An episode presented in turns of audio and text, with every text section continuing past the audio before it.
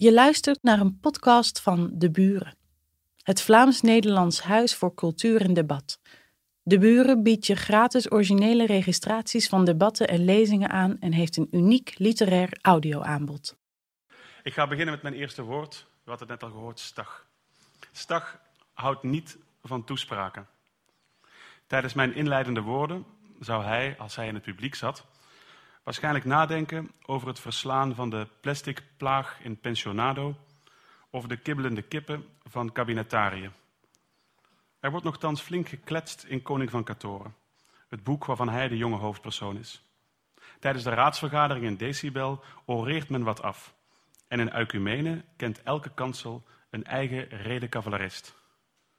Wanneer Stag als koning zelf het laatste woord krijgt, spreekt hij evenwel exact 150, 10 keer 15 woorden.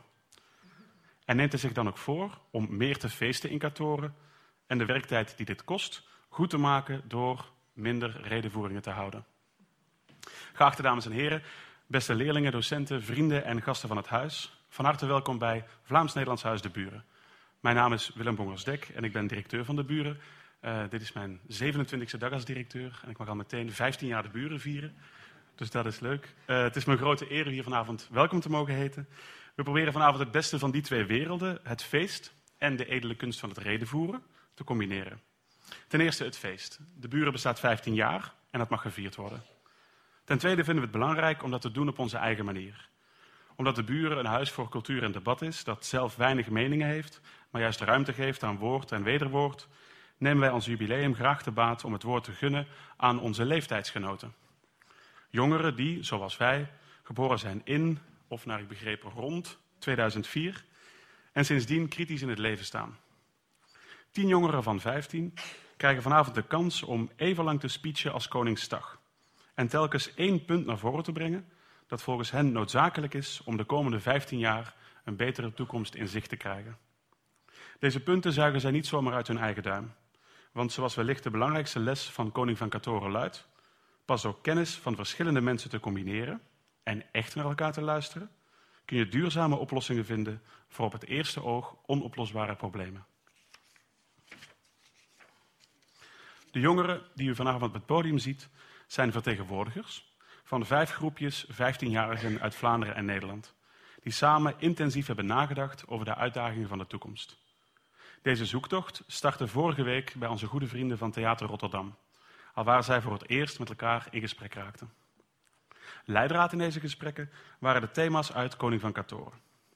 Toen ik hen vorige week toesprak, en hen half verontschuldigend toevoegde dat zij niet het hele boek hoefden te lezen om mee te mogen doen, kon ik nog niet vermoeden dat ik enkele dagen later in een stuk van Sarah van Kerschaver van de Standaard zou lezen dat sommige jongeren het boek drie of zelfs vijf maal hadden gelezen. De vier leerlingen met wie ik sprak tijdens de lunch noemden zich vol overtuiging lezers. Dat stemt hoopvol. Vanavond vragen we u te luisteren naar de stem van de jeugd. De hoofdschotel van deze avond bestaat uit vijf blokjes waarin telkens twee sprekers één minuut krijgen om hun toekomstinzicht voor het voetlicht te brengen. Daarna gaan zij in gesprek met Jan Terlouw en Gregory Delaney om de aangeroerde thematieken verder uit te diepen. Omdat ik in gedachten de energieke stag al op zijn stoel zie schuifelen, sluit ik stilaan af door enkele mensen en instanties te bedanken. Allereerst de overheden en onze raad van bestuur. Mogen zij ons blijven steunen in onze missie om Vlaanderen en Nederland samen te brengen in cultuur en debat. Vanuit Brussel, in de gehele lage landen en soms daarbuiten. Voorts dank ik het personeel van de buren voor de enthousiaste inzet de afgelopen 15 jaar. Hoewel ik er zelf slechts tien van heb meegemaakt, weet ik door de kwaliteit van de collega's die hier nog langer werken, dat ook die eerste vijf de moeite waard waren. En dat het voor een groot deel door het inzet van het, aan, uh, aan het inzet van het personeel te danken is. Eén ex-collega wil ik hier graag bij naam noemen.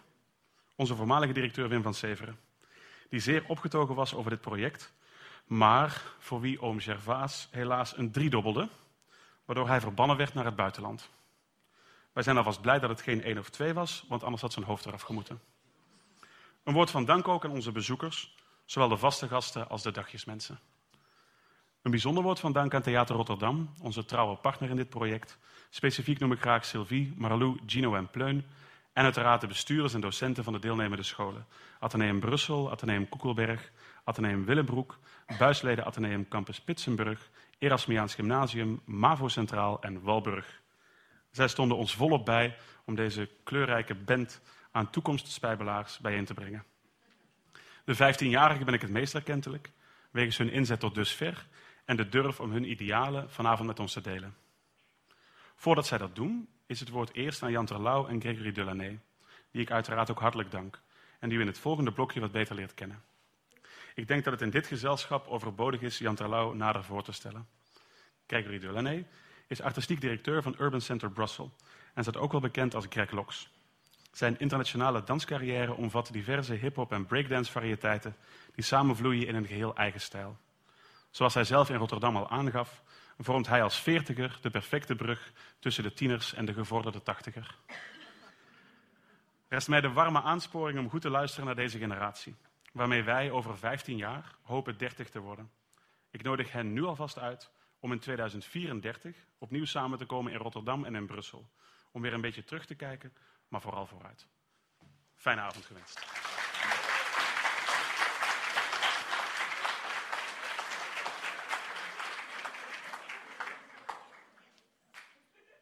Voilà. Voordat ik, ik gaan zitten? Ja, u mag gaan zitten. Dag allemaal. Voor, vooraleer dat ik hier onze gast voorstel, wil ik nog extra uh, de buren feliciteren voor hun 15 jaar. Dus uh, het project, zoals Willem er voordien heeft uitgelegd, 15 plus 15 is 30. Dat is de naam van het project. En dus, dat was de 15 jaar. En waar staan we binnen 15 jaar? Dat is een grote vraagteken dat we nu ons stellen en dat we aan de jongeren ook gaan vragen. En um, tegelijkertijd, zij zijn 15 en binnen 15 jaar, waar staan ze? Ja. Dus um, de buren bestaat ook al sinds 2004, zoals Willem het voordien heeft uitgelegd. En we gaan proberen om uh, vijf hoofdstukken van het boek uit te lichten met de problematieken dat we vandaag de dag ook meemaken en uh, dat nog altijd actueel zijn en we gaan proberen om te horen wat dat de jongeren als uh, een verbeterde wereld zien. Heb ik uh, mij goed uitgedrukt? Ik probeer op zijn Brussels, ik ben echt een ket van Brussel, dus ik probeer met mijn woorden de dingen uit te leggen.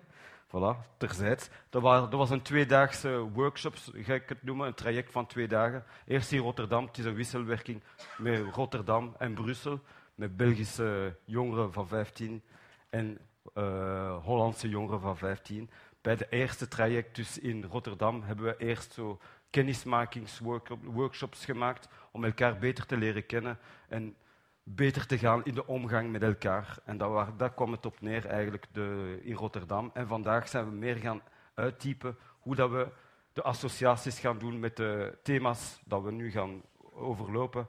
Uh, tegelijkertijd met het boek uh, Koning van Katoren. Ja? Is iedereen mee? Oké. Voilà, dat was mijn uitleg. Om nog eens extra... Ik wou ook nog Nora bedanken om mij hier uit te nodigen, want zonder haar denk ik niet dat ik hier stond. En uh, voilà, dan hebben we onze gast, meneer Jan Terlouw. Ik denk dat er veel mensen een applaudissement voor Jan.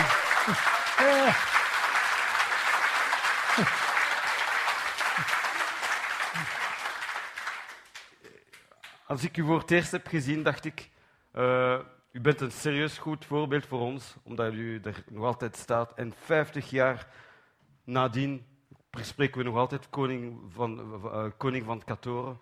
Uh, ik vind dat echt chic, dat zo een kunstwerk nog zo lang met de tijd meegaat en dat dat nog altijd even actueel is. En ik ga me even zetten. Voilà. En ik wou dan ook nog heel even zijn carrière schetsen. Dus uh, daar straks heb ik vernomen dat u zich eerst uh, neemt als een natuurkundige onderzoeker of wetenschapper. U was voormalig uh, politicus. En dankzij uw vrouw bent u schrijver geworden. Want die heeft dan, in, in, in, Brussel zeggen wij in Stoemelings, bepaalde verhalen gepubliceerd. En zo voilà, heeft u de titel als schrijver gekregen.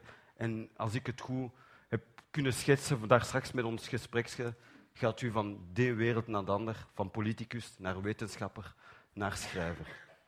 Voilà. Dat in grote lijnen. Dus ik wou nog een warm applaus meneer Jan Terlouw.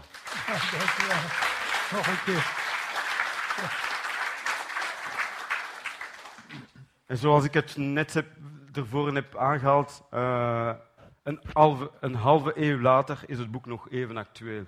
Maar mijn vraag is, hoe, van waar komt die ingeving om een gelijkaardig boek te schrijven en dat nog altijd nu even actueel is? Waren die problemen toen misschien anders dan nu?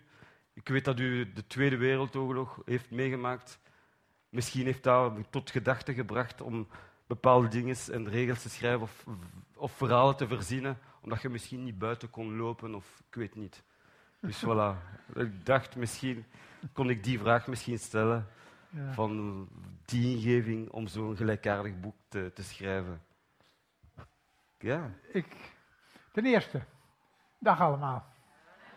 In de tweede plaats, ik ben ontzettend trots op dat, bij, dat nu de buren 15 jaar bestaan. En ik heb al meer dan 10 jaar geleden kennis meegemaakt. En ben al verschillende keren te gast geweest bij de buren. Dat nou dit 15-jarige bestaan wordt gevierd door jonge mensen bij elkaar te brengen die praten over een boek wat ik zomaar heb geschreven. Helemaal niet met ingewikkelde gedachten erachter. Nou ja, een beetje misschien toch wel. Ik was natuurkundige. En ik ben na mijn studie ben, heb ik een baan gekregen in het kernfusieonderzoek. En als iemand heel graag wil weten wat kernfusie is, dan zal ik het straks vertellen. Maar ja, ja. Toen ik dat onderzoek ging doen, dat was in 1958, dat is al eventjes geleden. Toen dacht men, nou dat gaat ongeveer 30 jaar duren voordat het gelukt is. Dat was dus in 1958. Het is nu 2019 en nog steeds denkt men dat het over 30 jaar gelukt zal zijn. Kun je dus nagaan hoe lastig het is. Toen ik dat 13 jaar had gedaan, toen was het nog steeds 30 jaar. En toen dacht ik, ja, ik ben nu midden 30. Doe daar 30 jaar bij op. En dan ben ik 65. Ik ga het niet meer meemaken. Dus daar heb ik dan eigenlijk niet zo'n zin in om dat te doen. Maar wat kun je dan? Oh jongens, dan kun je zo weinig. Dan zit je in zo'n specialisatie, zo'n heel nauw vak. Daar weet je dan heel erg veel van, van een heel klein beetje. Maar allerlei bruikbare dingen, zoals laten we zeggen broodbakken, of tandwielen smeden of zo, dat kon ik niet. Ik kon eigenlijk niks, behalve dan dat waar je niks meer aan hebt als je er niet meer aan doet. Toen dacht ik, nou, er zijn twee gebieden en daar vragen ze nooit om een diploma. Houd goed in je hoofd, jongens, als je geen diploma haalt, die twee dingen kun je altijd doen. Ten eerste de politiek. dus ik heb allerlei politieke functies gehad, zo'n beetje alles wat er is. Is me nooit één keer gevraagd om een diploma. En ten tweede, ja, mijn vrouw die riep al jaren, je vertelt altijd verhalen. Schrijf op, schrijf op. Ah, ja, ik ben natuurkundige. Geef nou op. Gaat weer een mooi verhaal uit raam. Ja, kan ik helemaal niet. Ik ben geen schrijver, heb nooit geleerd. Toen dacht ik, nou ja, een uitgever vraagt ook niet om een diploma. Dus in vredesnaam maar proberen. En dat ben ik toen gaan doen. En ik ging dus gelijk de politiek in en begon ik te schrijven. Ik had vier kinderen, net iets jonger waren die toen dan jullie nu zijn. En toen dacht ik bij mezelf, ja, de boeken waar, die ik las als kind, die gingen heel vaak zo'n beetje zo. Jullie zijn stout. En als je nou maar heel goed je best doet, dan word je net zo goed als wij volwassen mensen. Ik dacht, maar zo zit het niet. Zo zit het niet. Jullie jongens en meisjes, jullie zijn op weg naar volwassen mensen worden met stemrecht, met staatsburger worden, met een verantwoordelijkheid als staatsburger. En dat is helemaal niet zo makkelijk. Want die volwassen mensen die hebben het heel vaak verkeerd gedaan. En ik dacht, ik moet een boek schrijven waarin ik aan de jeugd vertel, denk eraan, die wereld waar je naar op weg bent, daar zitten heel veel problemen en dat gaat heel vaak verkeerd. Ik ga jullie de problemen een beetje vertellen en probeer een goede oplossing te vinden. En ik dacht, laat ik proberen om het zo te schrijven, dat voor kleine kinderen het draken en tovenaars en wat heb je, hè, sprookjes zijn. En naarmate leerlingen ouder worden, dat ze zien, ja, maar het zijn echte tovenaars. Het zijn echte draken. En daar moeten wij straks wat aan doen. Zo probeerde ik het te schrijven. En toen deed ik maar wat. Ik kwam in de politiek allerlei problemen tegen, waar ik dus ook net aan begon. Ik dacht, nou, die ga ik vertalen in tovenaars en sprookjes enzovoort. En ik zie wel wat er gebeurt. Ik verwachtte er helemaal Al niks. niets van. En uitgevers die vonden het ook maar heel bedenkelijk hoor. Uitgevers die zeiden, ah, zwart-wit ministers, eh, nee, dit is niks voor de jeugd. Tot eindelijk, Of eindelijk Lemses Kaat, die, die vond het ook helemaal niks. En toen kwam die en, en die zei allemaal veranderen. Oh, ik weet nog goed, ik ging er naartoe en dit, al die papieren lagen op een hele grote tafel. En allemaal krassen en nee in de kantlijn en zo. Dat, en hij zei ook, ja, eh, dat is wel apart moet ik zeggen. Maar ehm, daar moet je nog heel veel aan veranderen voordat ik dat uit ga geven. Dus eh, neem maar mee en verander maar. Ik zei, ja, meneer Boele van Hensel, wat moet met die, met die krassen? ja. Moet je wel zeggen wat dan? En waarom het dan niet goed is? Hm, hm. Ja, hij gelijk aan. Nou, oké, ga maar naar huis. Je hoort van me. Een maand later kwam hij naar ons huis toe. Gooit het hele pak op tafel. En zegt, ik geef het zo uit, onveranderd. Ik zei, wat? Wat zeg je nou? Ja, zei hij. Mijn vrouw heeft het voorgelezen aan allemaal jonge mensen. Van 9 tot 29. En die vonden het allemaal mooi. Dus, eh, nou, probeer maar. Zal wel niks worden, maar proberen. En ik gaf het uit. Je gelooft het niet. Gouden griffel. Wow. Hoe gek kan het leven lopen, hè? Dus- ik, was, ik was zo stom verbaasd. Maar dan ook wel zo stom verbaasd. En dat het nu, na bijna 50 jaar, dat er nog over wordt gepraat. En dat het hier een thema is. En dat jullie erover nagedacht hebben. Ja, dat is de verbazing van mijn leven, echt waar. Natuurkundige, oké, dat was zo'n beetje te verwachten. Ik kon tamelijk goed wiskunde. En die politiek, ja, dat, dat kan ik me ook nog wel voorstellen. Maar schrijver? En dan schrijver van een boek wat 48 jaar later nog in België door zo'n zaal. Ah, mijn verbazing kent geen grenzen. Ja. Wel, ik vind het heel chic dat, dat, dat je zoveel generaties, dat u zoveel generaties heeft beïnvloed. En eh, ik vond dat boodschap van daar straks ook heel leuk dat je zei, dat u zei tegen de jongeren van bescherm je eigen toekomst en de wereld is van jullie. Dus eigenlijk via dat boek gaat je bepaalde inzichten geven aan de, nieuw, aan de, de jongeren om beter na te denken over hoe dat je omgaat met de wereld Ja. en de problematiek. Dat vond ik juist gewoon schoon. ja, we doen politiek en dat wordt door volwassen mensen gedaan. Ja. Maar het gaat over de toekomst en de toekomst Ja. is van jullie. Die is Ja. niet van oude mensen, die is van jullie. Het is, als het voor mensen belangrijk is hoe de toekomst eruit ziet, zijn jullie dat. Want het is van jullie. En dat heb, dat heb ik altijd gevonden en daar, moet, daar wil ik tot mijn dood toe iets aan doen. Nou, dat vond ik juist eh, sterker erin. Ja. Dat u er echt achter staat. het is zo logisch. Ja, dat is volledig. Ja. Maar niet iedereen begrijpt dat. Maar jullie wel. Ja, ja. En wel, om verder te gaan, gaan we dan, eh, hebben de leerlingen een paar stellingen dat ze willen voorlezen. En dan willen ze dat een beetje, ehm, eh, hoe zeg je dat, Over défendre. Allee, eh, verdedigen. Voilà. Dus we willen dat verdedigen. Ja, voilà. En dus de, de vijf thema's dat we eigenlijk uitgekozen hebben, dat zijn dus de vrijheid van meningsuiting, de vogels van decibel. Ja. Dan heb je de granaatappelboom in Wapelveld. Dan heb je de draak van Smook. En de, de schuifelende kerken van Oekumene. En de tovenaar van ik- Spreek het go- goed, goed uit? Ja. Equilibrië. Equilibrium, evenwicht. Hè? Evenwicht, equilibre. Voilà, vandaar. Dus ik ga dan vragen om de eerste groep. Eh, die mogen zich klaarleggen, eh, klaarzetten hier. Ja, klaarleggen, klaarzetten. We begrijpen elkaar. Dat is algemeen universele taal. Dus, voilà. We gaan hier twee stoelen zetten. Dan kunnen zij ook... Wordt er iets Voilà. geprojecteerd? En ze gaan gewoon de timer zetten. Ze hebben exact 15 minuten. Eén minuut en dan 15 minuten debat in totaal. Voilà. Eén minuut elk. Eh, dus als... Je mocht u even voorstellen, misschien met uw naam, Oh ja. uw leeftijd. Ah, voilà. Hallo? Oh ja. Ja. Ehm, dus ik ben Maya Simon Molapi.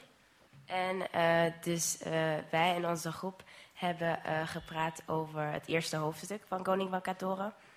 De Vogels van Decibel. En dat gaat dan over vrijheid van meningsuiting. En we hebben twee eh, dingen bedacht die we graag zouden willen zien die in de toekomst gebeuren. Dus als eerste eh, zouden we graag willen dat het internet een menselijke ruimte wordt. Daarmee bedoelen we dat er geen haatreacties meer worden gestuurd, geen racistische opmerkingen, moordvideo's, etc. En ehm, ook dat er geen anonimiteit meer is op het internet. Ehm, waardoor eh, iedereen die iets post daar ook de verantwoordelijkheid voor draagt. Want nu is het, eh, ja, nu stuurt iedereen gewoon wat hij wil zonder ja, daar gewoon de gevolgen van te dragen. Oké. Eh, en daarnaast willen we ook, willen we ook graag dat eh, iedereen kan zeggen wat hij of zij wil. Dus dat er volkomen vrijheid van meningsuiting is, maar dan wel met respect eh, voor, an- voor een andere en wat zijn grenzen zijn. Want misschien vind jij het wel oké, maar misschien vindt diegene het te ver gaan. En ehm, ja, eh, we vinden ook dat eh, discussie moet kunnen. Dus je moet wel met elkaar di- kunnen discussiëren. Maar dan wel ook wel met respect voordat er geweld ontstaat. Dus, eh, dus jullie twee. Oké, kom er maar bij zitten. Ja, ik zal het even... Heeft u de stellingen? Ja? Kijk, ik zal het even vasthouden. Iedereen kan zeggen wat ze willen, met respect voor de ander. Ja, Ja. ja. Kunt je die eerste stelling misschien al eh, verdedigen en zeggen waarom dat je deze stelling hebt gekozen? Ehm, hoezo? Vrijheid van meningsuiting. Ja. Wat bedoelt je met menselijke ruimte, internet en zo? Menselijke ruimte. Want op dit moment is het internet meer een plek waar iedereen gewoon kan zeggen wat hij wilt.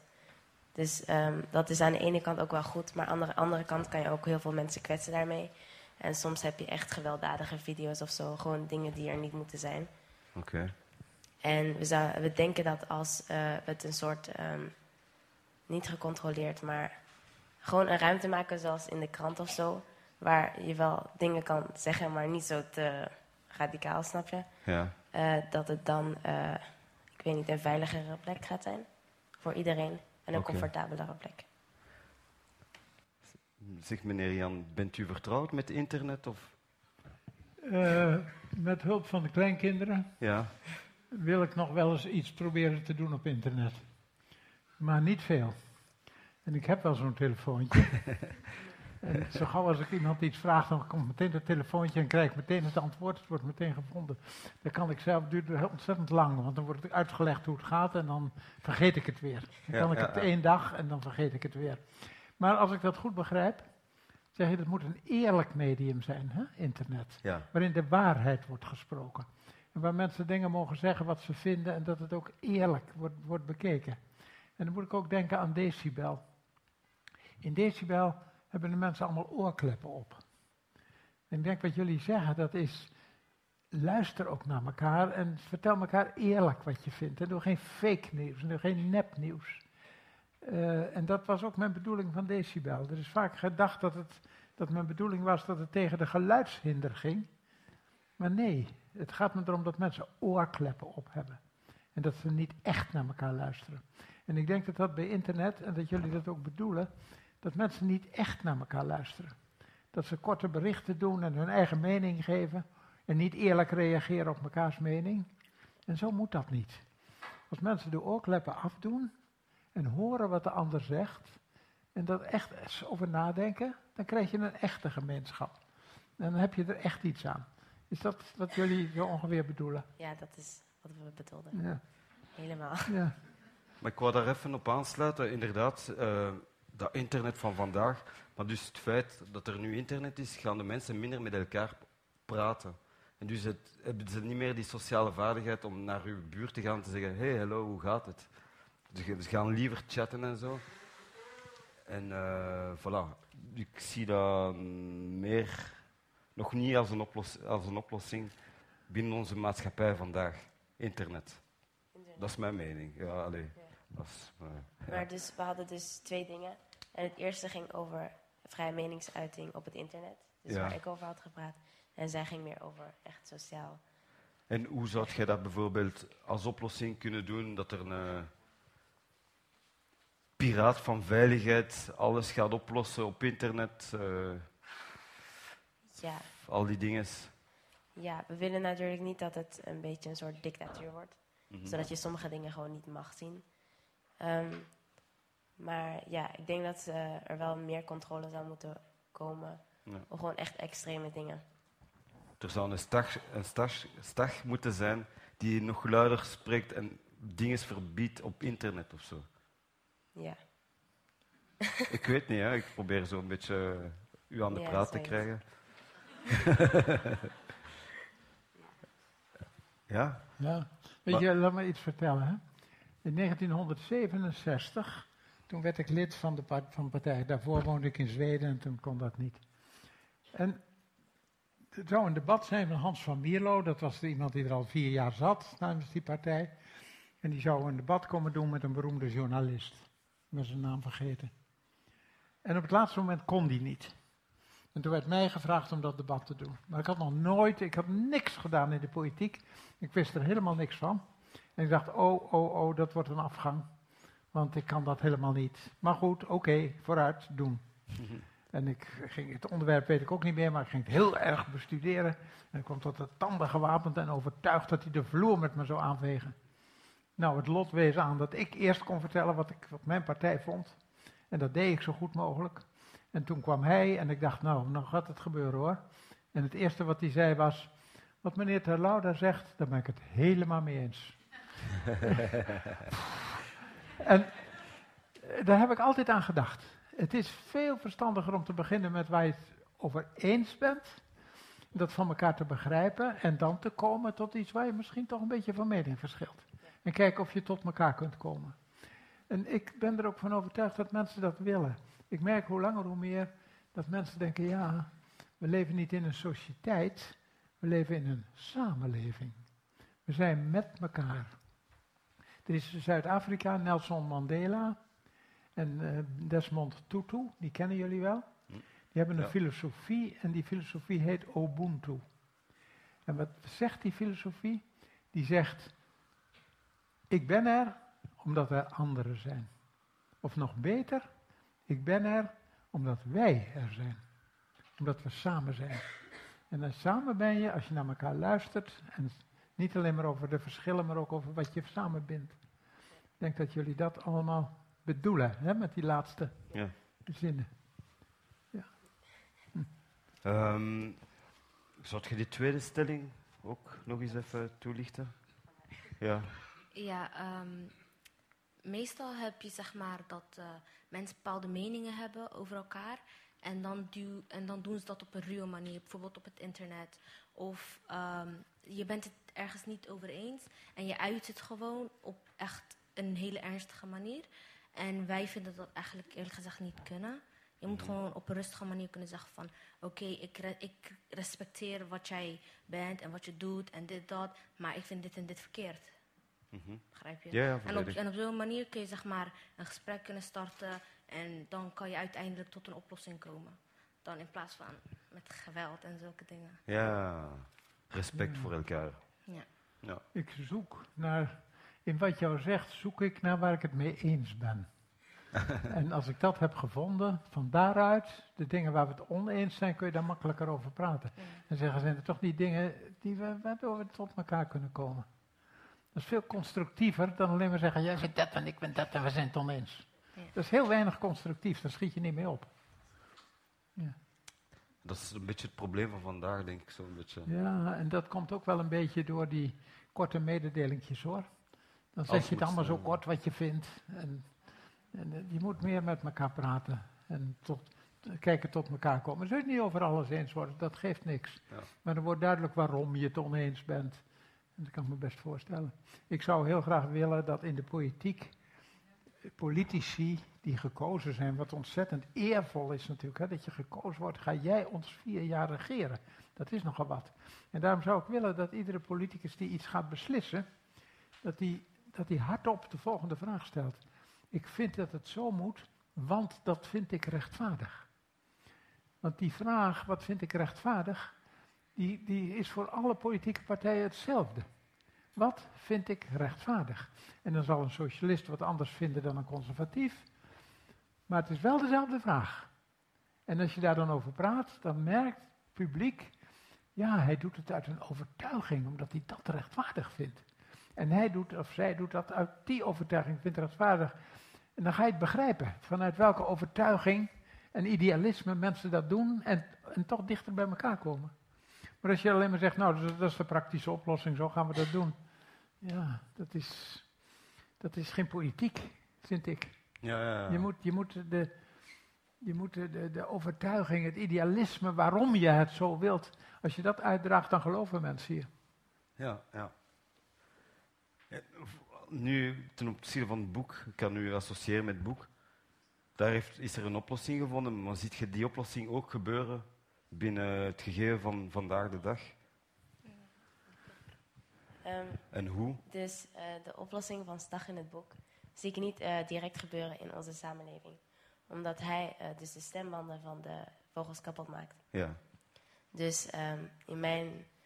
Ik, ik zie dat eigenlijk als een soort ehm, dictatuur, een beetje. Van ja, eh, jullie maken toch gewoon ruzie, zeg dan gewoon niks meer. Jullie eh, luisteren gewoon naar één ding, naar mij, of gewoon naar niks, snap je? En ehm, ik denk dat dat niet een oplossing is, omdat in onze maatschappij iedereen al een mening heeft. Dus je kan niet zomaar meer zeggen van nee, je mag niet meer praten, want iedereen is het al gewend om alles te zeggen wat ze willen. Ik denk dat er eerder meer naar elkaar geluisterd moet worden. Mhm. En ehm, ja, dat er naar elkaar geluisterd moet worden. En dat ehm, men ook ehm, ja, gewoon respect heeft. ja. Ja. Je mag zoveel zeggen als je wilt, maar je moet ook denken aan hoe de ander zich daarbij zou voelen ja. en hoe het overkomt. Stag zoekt die oplossing omdat hij wil dat ze hun oorkleppen afzetten. Ja? En naar elkaar gaan luisteren. Oh, oké. ja. Maar ik zeg wel, ja. En eh, ik zal eens een vraag aan u stellen. Hoe ziet je ons internetgegeven, netwerk en zo binnen 15 jaar? Binnen 15 jaar. Hoe dat er nu uitziet en hoe dat later gaat zijn? Ziet je daar een evolutie in? Qua vrijheid van meningsuiting. Ja, klad. Dan nu Zou over. ku- het zou kunnen dat het beter wordt, dat eh, technologie zich, zich verbetert, dat er meer op het internet wordt gelet, wat je zegt, wat je doet. Maar het begint altijd, mening begint altijd bij de mens zelf. Wil jij het uit of niet? En als je het toch wil, wil iedereen heeft deze mening zo. Zo heb ik een mening en als ik die, en als die extreem is en ik zet hem online. Ja, Ja, op zo'n manier begrijp je het. Het is, het is zeg maar, je kan het niet stoppen. de machine is al in gang. Ja, dus alleen tech- technologie, als het verbetert, als er controle wordt gehouden erop. En ja, zo kom je pas verder. Komt je dan in zo'n Big Brother terecht zo ook? Hoe doet het? Eh, Ja, dat is, Big Brother is watching you, dus dat, dat je nog meer bekeken wordt, dat je minder vrij, vrij bent eigenlijk. Ja, dat is ook wel een ander ding.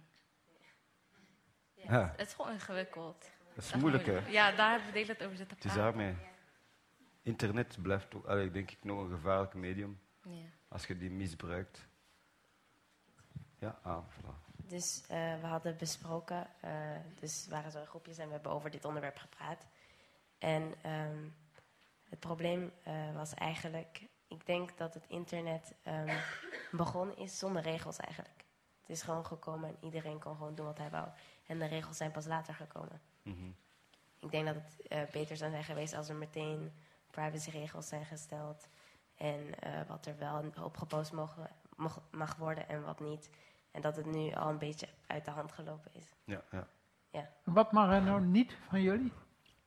Moordvideo's, racistisch Moordvideo's, moordvideo's, moordzaken. Super Of, eh, geweldige, gewel, gewelddadig. Moordvideo's. ja, Ja. fake news. Ja, fake Ik news heb er nog nooit in gezien. Maar racistische opmerkingen en zo. Gewoon Ja. dingen die niet kunnen, te extreem. Ja. En ehm, eh, hoe zou ik het stellen? Hoe, hoe, omdat u dan heel die evolutie van beeldende en informatieve kunsten of zo hebt meegemaakt. Allee, omdat we nu over internet spreken. Maar destijds waren het foto's. Is er ook een, een evolutie op fotogewijs dat u, heeft, dat u heeft meegemaakt sinds, en dat u de evolutie ook ziet veranderen? Ja, het, het, het woord neemt af in betekenis. Hè? Er steeds meer wordt beeld ook. En er is op het ogenblik op Twitter is er iemand en die stuurt tweets in mijn naam met mijn fotootje erbij. Oei. Ah, en die ja. laat mij de vreselijkste dingen zeggen. Ah, nee. En er hebben al heel veel mensen geprotesteerd, maar het helpt niks. Ik blijf er gewoon op staan. Ja, dat vind ik afschuwelijke ontwikkelingen. Ik kan er niks aan doen. Ik lees die dingen niet meer. Want ja, als je het zo op zo'n manier gaat gebruiken, die media, dan ga je erop achteruit. En ik, hou heel vaak een pleidooi voor het verhaal. Het verhaal, het woord is zo mooi. Kijk, PowerPoint is mooi hoor. En je kunt met PowerPoint iets moois zien en het, het wordt verduidelijkt. Maar als het alleen nog maar PowerPoint is en niet meer degene die het vertelt de aandacht krijgt, ja, dan gaat er toch iets verloren. Ik vind het woord heel belangrijk en het verhaal. Het is, ik, ik doe het wel eens bij wijze van, eh, van experiment. Een po- potje geleden sprak ik voor allemaal hoge ondernemers en ik had het over de kracht van het verhaal. En, en op een gegeven moment zei ik, ik zal u een verhaal vertellen. Op een nacht, de klok had net twaalf uur geslagen, verliet een man zijn huis door de achterdeur. In zijn linkerhand had hij een vreemd gevormd voorwerp. Horen jullie de stilte? Er kraakt geen stoel, niemand kucht, omdat ik deze paar zinnen uitspreek. Ook die ondernemers. Het is zo sterk, het verhaal. En dat moet niet verloren gaan. Het is in alle culturen altijd belangrijk geweest en het heette een legende of een fabel of een gelijkenis. Het verhaal. Laat het niet verloren gaan door internet met korte mededelingjes en geen verhaal meer. Ja. Oké. Wat zal u als... Voilà, dat was een schone slotzin eigenlijk. Laat, laat het verhaal binnen u weer zijn vrije loop gaan. En probeer daar weer connectie mee te krijgen. Voilà. Dat was het. Oké, bedankt.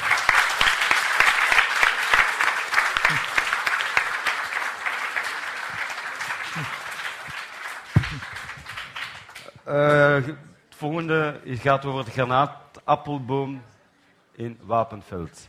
Kom maar, kom de trappen op.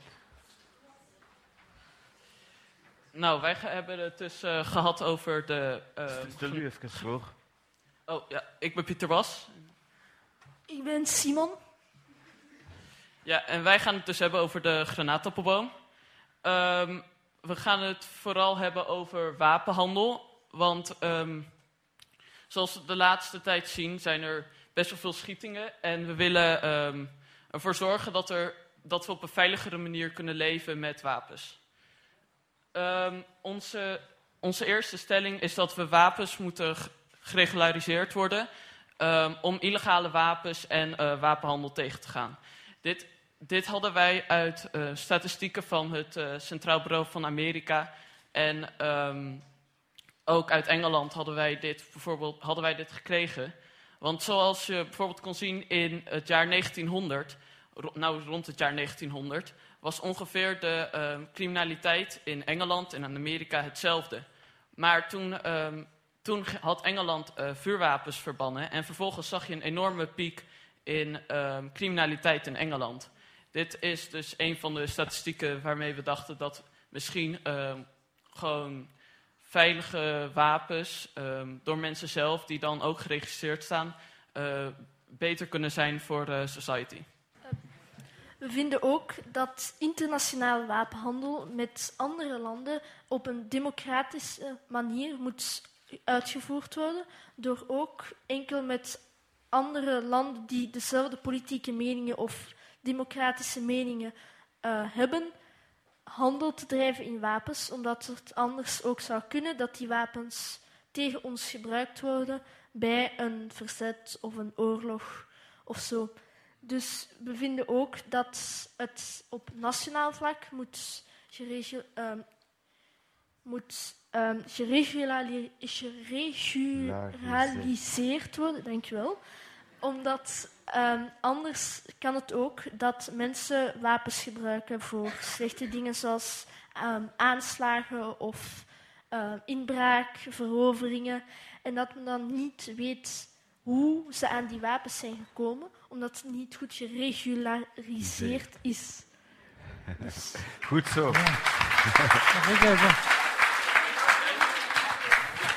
Kom er maar lekker bij zitten. Even zien. Ja, ik zal het hier even leggen. Voilà. Oké, voordat je eigenlijk je stelling gaat verdedigen, wil ik eens even horen wat dat jij onthouden hebt van dat hoofdstuk dat je hebt moeten lezen. Ik zal het eh, in beschaafd Nederlands wat proberen te doen. Dus wat heb jij onthouden van je hoofdstuk dat jij gelezen hebt en dat u heeft dingen bijgeroepen, extra... Leg het nou, maar uit. Nou, ik ga heel eerlijk zijn. Uh, de groepen waren al gemaakt. En um, er was geen Nederlander in het uh, wapenhandel. Oké, okay, geef, geef, geef je dan. het is goed. Voilà. Dat is fijn aan hem, hij is altijd zo spontaan. Hè? ja, dus um, ik vind het... Je hebt het wel gelezen, toch? Ja, ik heb het wel ah. gelezen. Maar, um, dus ik vind het persoonlijk... Um, hij zegt daar dat... Er wordt daar verteld over die granaatappelbomen die door het kruid met explosieve granaten zijn. En het gaat daar eigenlijk over het produceren van wapens. En persoonlijk, ik vind dat deed mij nogal denken aan het alledaagse produceren van wapens. Hoe dat ze dat eigenlijk gewoon bijhouden, zoals ze daar ook deden, bijhouden op een stapel. Maar ze worden ook verkocht bij ons. En ik vind dat goed in bepaalde situaties, omdat ze gebruikt kunnen worden voor zelfverdediging. Maar in daar worden ze gewoon op een stapel gelegd. En daar hebben ze eigenlijk geen nut. Want zoals ze ook zeggen, van, ja, we houden ze bij voor later. En dat is me nogal bijgebleven, want ja, bijhouden voor later, misschien hebben we die nooit nodig. Dus... Of juist niet. Ja, misschien hebben ze nooit nodig. Ja, wel ja. Dus ja, het, waarom ze zo vroeg op voorhand al maken. En ja. Is dat een vraag dat je stelt? Ja, dat is eigenlijk wel een vraag. Kunnen die vraag een beetje verworpen dus, en duidelijk naar meneer? Aan meneer Jan Terlouw. Waarom wouden ze al op voorhand een wapens maken voor een eventuele oorlog die er misschien zou zijn? Zou zijn? Ja, ik vind, en ik ben het erg met jullie eens hoor, wapens moeten eigenlijk alleen maar in handen van overheden zijn. En, en van niemand anders. En dan hoop je het politie en leger enzovoort. En dan hoop je natuurlijk dat dat democratische overheden zijn. Maar ja, je weet dat, dat er ook andere zijn. Die hele productie van wapens, die dan vervolgens door particuliere organisaties worden verkocht. Met, weliswaar met toestemming van overheden, maar die lichten daar heel makkelijk de hand mee. En dan worden ze verkocht aan volkeren die ze zelf nog niet kunnen maken, dit soort wapens. Omdat ze de kennis niet hebben of de economie daar niet voor hebben. En die volkeren die gaan er elkaar mee aan flarden schieten. En als dat dan gebeurd is, dan sturen wij artsen zonder grenzen en het Rode Kruis om ze op te lappen. Wat is dat voor gedoe? Dat is toch volkomen absurd. En dat doen we natuurlijk alleen maar om geld mee te verdienen. En je ziet dat overal de hand wordt gelicht met de officiële regels bij die wapenverkoop. Wapens, dat ben ik met jullie eens, tenminste ik heb dat menen te begrijpen, die zijn natuurlijk nodig. Je kunt er niet buiten. Er is criminaliteit, er zijn soms regimes die moeten bestreden worden. Bijvoorbeeld het nazi-regime, het regime in de Tweede Wereldoorlog. Dat moest bestreden worden, want anders dan zou het zich over de wereld hebben verspreid. Dus je kunt er niet buiten. Maar je moet er ontzettend voorzichtig mee omgaan. En heel democratisch en niet verkopen aan foute regimes. En in de gaten houden wat je doet. En de vraag stellen als je een vergunning geeft, deugt dat? Worden er geen verkeerde dingen mee gedaan? En dat is ontzettend lastig en zo werkt het niet en zo zou het wel moeten werken. Ja. Ja, denk je wel. Oké. Gaat, nu gaat jij je, je stelling een beetje verdedigen. Dus je begint met de eerste stelling. Hoe Nou. waarom heb je deze stelling gekozen? Nou, ehm, ik vond dit een best wel belangrijke stelling, omdat er best wel veel... ehm, Wacht, zeg het misschien, misschien het publiek weet niet meer welke stelling dat je gezegd hebt. Nou, dus dat door mensen zelf ook wapens ehm, mogen hebben, als het, zeker als het nodig is. Ehm, want wat, wat, en dat zou helpen tegen ehm, wapenha- illegale wapenhandel en zo. Ehm, dit, als je bijvoorbeeld kijkt naar Amerika, zijn er heel veel plekken waar eh, de politie niet snel naartoe kan komen. Dit zijn natuurlijk, deze mensen, als er een crimineel langskomt, dan moeten ze een half uur wachten voordat de politie er is. En in die tijd kan de crimineel spullen pakken en wegrennen op dit soort momenten is een wapen heel belangrijk. En als we bijvoorbeeld kijken naar een CBS-report dat gemaakt is in 2014, ehm, ging, het, ging het over de, ehm, hoe wapens werden gebruikt in Amerika. En als je dan ging kijken naar de statistieken, was de, ehm, voor zelfverdediging, waren, zijn er elk jaar zo'n 500.000 tot 2,5 miljoen mensen in Amerika die gered worden door, nou, door vuurwapens. En dit is niet. en dit is dus niet eh, met gewoon dieven die niet zijn gaan stelen, omdat mensen wapens hebben. Want het is natuurlijk ook, als je een dief bent en het, er zou een wapen aan de andere kant kunnen zitten, ja, dat is niet heel handig. Dus eh, ja, Ik denk dat ik het niet met je eens ben hoor. Ik ook niet. Er is, Ik ben al niet mee eens met heel die wapenhandel. Ik zou zeggen, geef een bloem aan iedereen en probeer daar iets mee te doen.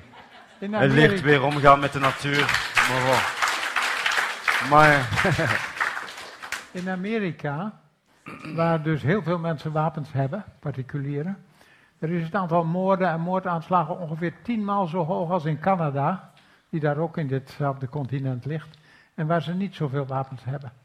Het is, het, ik begrijp dat je zegt je moet jezelf kunnen verdedigen, maar het werkt helemaal verkeerd uit. Het leidt tot zoveel moorden en moordaanslagen. In Amerika zoveel meer dan in Europa, waar de particulieren niet zo makkelijk over wapens mogen beschikken. Dus ik vrees dat ik het niet met je eens ben. hoe gaat je hem overtuigen? Nou, als je dus bijvoorbeeld kijkt naar, ehm, dat stond ook in het CBS-rapport, ze gingen kijken naar eh, welke wapens werden gebruikt in, ehm, dus in moordaanslagen en zo. En ze gingen heel vaak kijken en dat deze wapens waren of eh, niet geregistreerd, dus dat is sowieso al in de illegale wapenhandel. Ehm, of het waren wapens die überhaupt niet in Amerika mogen. Bijvoorbeeld, je mag geen automatische wapens hebben en ehm, je mag eigenlijk alleen maar civilian-grade wapens hebben. Dit is dus eigenlijk de meeste moordaanslagen en zo die in Amerika worden gedaan. Dat zijn er zo'n 1250 per jaar. Volgens mij was het 90% daarvan worden gedaan door illegale wapens die niet geregistreerd stonden en zo. En als je dan moet kijken naar die 500.000 tot 2,5 miljoen, vergeleken met die 1250 waarvan de, het meeste gewoon illegaal was, ehm, vind ik zelf dat het belangrijker is voor mensen om zichzelf te kunnen verdedigen. Als er zoveel mensen worden gered daardoor. Het is niet waar dat er zoveel mensen worden gered. De werkelijkheid is dat er veel meer mensen door omkomen, omdat mensen persoonlijk wapens mogen hebben. Dat is echt waar. Ja, ik denk, niet- ik denk ook niet dat dat een oplossing is, maar bon. Vrije meningsuiting, dat is het vorige thema. Dat mag wel, ja. Voilà. Wilde jij daar iets bij Ik begrijp je redenering wel hoor, maar de feiten zijn anders. Maar meneer, ehm, u zegt dat u vindt dat het niks verandert. Maar criminelen die zullen sowieso op de een of andere manier hun handen op wapens leggen. Die gaan sowieso erin slagen om wapens te krijgen en om daarmee slachtoffers te maken. Dus dan is het toch beter dat de gewone mens op een legale manier wapens kan bekrijgen om zich daarmee te verdedigen tegen die criminelen die sowieso een wapen gaan hebben. Ja, dus zou ik, ik zou het fijn vinden als alle wapenproductie in overheidshanden was. En niet in particuliere handen. Hmm. Dat zou, dat zou een mooie, dat zou vast helpen. Maar dat is dan toch slechter voor de economie? Dat interesseert, Ah, dat interesseert me helemaal niets als het gaat om wapenhandel. dus voor De de, economie. economie, vind je dat goed? Dat is juist het probleem. Dat vanwege de economie er zoveel wapens worden gemaakt.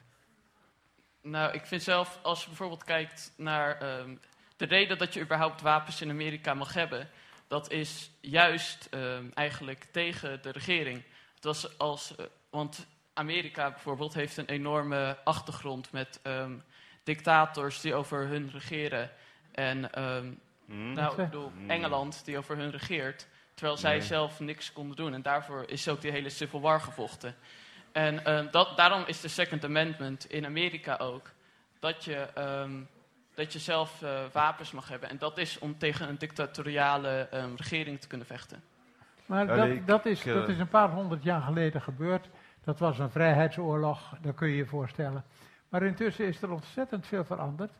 En je ziet dat in Amerika de criminaliteit veel hoger is dan in Europa. Toegenomen, ja. Vanwege, vanwege dat wapenbezit, denkt bijna iedereen. Ja, maar er zijn meer factoren dan alleen wapenbezit in bijvoorbeeld in Amerika. Je kan ehm, sowieso kijken naar cultuur en bijvoorbeeld naar plekken als Detroit. Het is vaak... Maar nu laten we het nu stellen voor België en Holland. Zouden we dat een goede zaak vinden dat er dan meer wapens in een omgang zijn? Dat de gewone mens gewoon eh, Nou, een als- wapen kan aanschaffen? Ik, ik denk dat in eh, Nederland is het wel een stuk anders dan in Amerika natuurlijk. In Amerika is inderdaad veel hogere criminaliteit. En het is natuurlijk ook een beetje Pandora's doos. Het is een beetje, er zijn nu al wapens in Amerika. Dus in Amerika is het gewoon... Ja, er zijn al zoveel wapens. Ik denk niet dat ze daar ook heel snel af gaan komen. Als je naar Nederland en België kijkt, denk ik dat we... ehm, ja, we moeten nadenken, welke mensen zouden het echt nodig hebben? Voor, want als je. ehm, want er zijn bijvoorbeeld. ehm was een report gedaan door het NOS in Nederland. over Rotterdam Zuid. En hoe makkelijk het wel niet was om een AK daar te kopen. En dat de straatwaarde was volgens mij 500 tot 1500 euro. En het, en het is natuurlijk in zulke plekken. Is er een best wel groot gevaar. En ik denk dat mensen die echt gevaar lopen. in Nederland en in België. dat die gewoon echt ehm, het recht hebben om zichzelf te beschermen. Nou, we hebben een systeem waarbij de overheid dat doet, zo goed mogelijk, dat beschermen.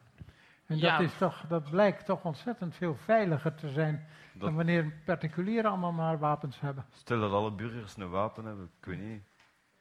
Ja, maar als je bijvoorbeeld kijkt, dat systeem in Nederland bijvoorbeeld werkt ook niet heel perfect. Aangezien, zoals laatst is die advocaat vermoord. Ja, dat vind ik ook niet helemaal het beste systeem wat je kan hebben. Nee, maar Ja, ja, maar we weten ook niet van waar het... Al ja, dat is polemiek, maar... Je weet ook niet van waar het komt, de opdracht. Maar wat, ik wil eens horen, op, wat zou een oplossing kunnen zijn voor de wapenhandel dat jij in uw, voor uw ogen ziet staan?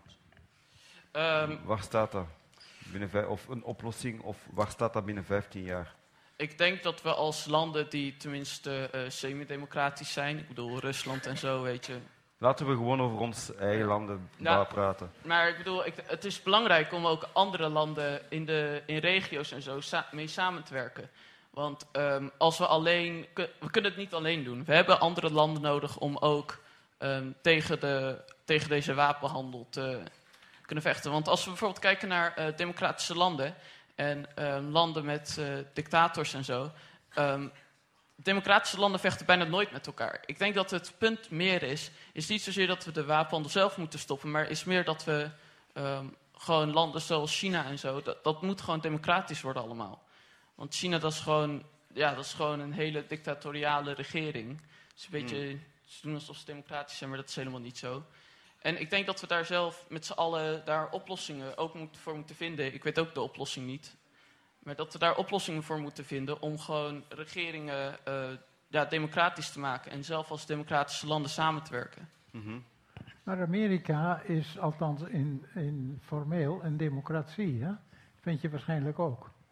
Nou, dat gaat helemaal niet goed met het wapenbezit daar. Dus dat zit hem heus niet alleen maar daarin hoor. Maar goed, ik begrijp je bedoeling hoor, en die is natuurlijk heel nobel. Maar de mensheid zit een beetje anders in elkaar, vrees ik. Ja, Ja. Ja, ik ik had, denk dat ook, ja. ik had het meer over internationale conflicten, niet zozeer nu over ehm, gewoon in een land, maar meer gewoon hoe we landen zelf kunnen stoppen met oorlogen en wapenhandel tussen landen. En ik denk dat het dan belangrijk is. Maar wat ik begrepen heb in u, eh, wat dat je zei, dat, dat wij eigenlijk moeten volgen wat de Amerikanen doen en zo. Ik weet niet of dat, dat een oplossing zou zijn. Ik denk dat je op je eigen ook moet staan. En niet, het is niet omdat een ander land iets doet dat je dan ook hetzelfde moet gaan doen. Ja, ik bedoel, we kunnen een beetje zelf kijken naar wat, wat vinden we zelf belangrijk, weet je. Ehm, we weten allemaal de oplossing niet op het moment. Mm. Want het gaat, sowieso gaat het niet al te best. Dat, ik bedoel, in Amerika gaat het niet goed, maar ik bedoel, het is ook niet in Nederland perfect of in België ook niet perfect. En ik denk dat we meer gewoon. In, ik, ik denk dat het belangrijk is om naar heel veel verschillende ehm, mogelijkheden te kijken. En niet alleen naar één mogelijkheid, en dat is gewoon ehm, alle wapens verbannen en dat is het. Want tot nu toe, het heeft nog niet perfect ge het, het werkt nog niet perfect. En ik denk dat we veel meer moeten kijken naar hoe kunnen we toch een betere manier vinden van eh, gewoon veiligheid. Nou, maar dan worden we het hier toch wel over eens. Laat de overheid daarover beslissen waar wapens worden gemaakt, wie ze mag maken, wie ze mag hebben. De overheid heeft wapens nodig, helaas. Want ja, tegen criminaliteit enzovoort. Maar eh, laat het particulieren er zoveel mogelijk afblijven, daar zijn we het niet helemaal over eens. Voilà. Om te, te eindigen, want we kunnen niet blijven over discussiëren. Maar zoals eh, meneer Jan Terlouw zei, helaas is het misschien best dat de overheid gewoon de wapenhandel in zijn handen heeft en niet de burger. Dat is zijn slotwoord. Ik zou daarmee eindigen. Dank u.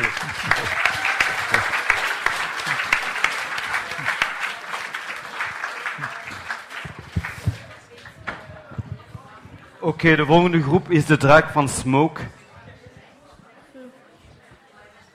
Stel u eens, eens even voor. Hallo, ik ben Zoe. Hi, ik ben Sachi. Bescherm je eigen toekomst. Dat is wat meneer Terlouw vanmiddag tegen ons zei. Ik wil leven. En ik weet bijna zeker dat iedereen van jullie dat ook wil. Over 15 jaar ben ik 30 jaar en dan hoop ik nog steeds te leven. We hebben het gehad over klimaatverandering en dat, wat wij als individuen daartegen kunnen doen. Dat is onze eerste stelling. Ehm, de aarde zal het overleven, maar de mensen die op de aarde leven, wij, zullen niet overleven als we zo doorgaan. Zoals meneer Terlouw met hele goede woorden zei, wat veraf is, kan ons eigenlijk niet zoveel schelen. Dit probleem is eigenlijk heel dichtbij. We leven op deze aarde, deze aarde is ons huis. Mensen beseffen zich steeds meer wat het, hoe groot dit probleem is. En ze doen er veel aan om het een beetje op te lossen of ergere verandering te voorkomen. Sommige mensen besluiten minimaal één keer per week vegetarisch of zelfs veganistisch te eten. Dat vinden wij een heel goed initiatief. En we vinden dat meer mensen dit soort dingen zouden moeten doen. Het lijkt een soort trend te zijn geworden om veganistisch te gaan eten of metalen rietjes te gebruiken en dat soort dingen. En dat is eigenlijk heel goed, want mensen worden zich steeds bewuster van de klimaatverandering. Persoonlijk vinden wij dat individuen, mensen op zich, al heel erg, heel erg hun best doen en niet zoveel meer kunnen doen. We moeten natuurlijk blijven doen wat we al doen. We moeten het blijven proberen en dit volhouden. Maar nu staan de grote bedrijven om de grote oplossingen te vinden. Wij leven in een maatschappij waar grote bedrijven veel macht hebben. Hoe erg wij als individuen ook ons best doen, veel invloed zal het helaas niet hebben. Begrijp ons niet verkeerd. Iedereen moet zeker zijn of haar best doen en blijven doen. Maar er moeten strengere regels zijn, internationale regels komen. Over CO2-uitstoot, vervuiling door microplastic en de opwarming van het zeewater. Mensen moeten verantwoordelijk gesteld worden voor hun daden. Wel.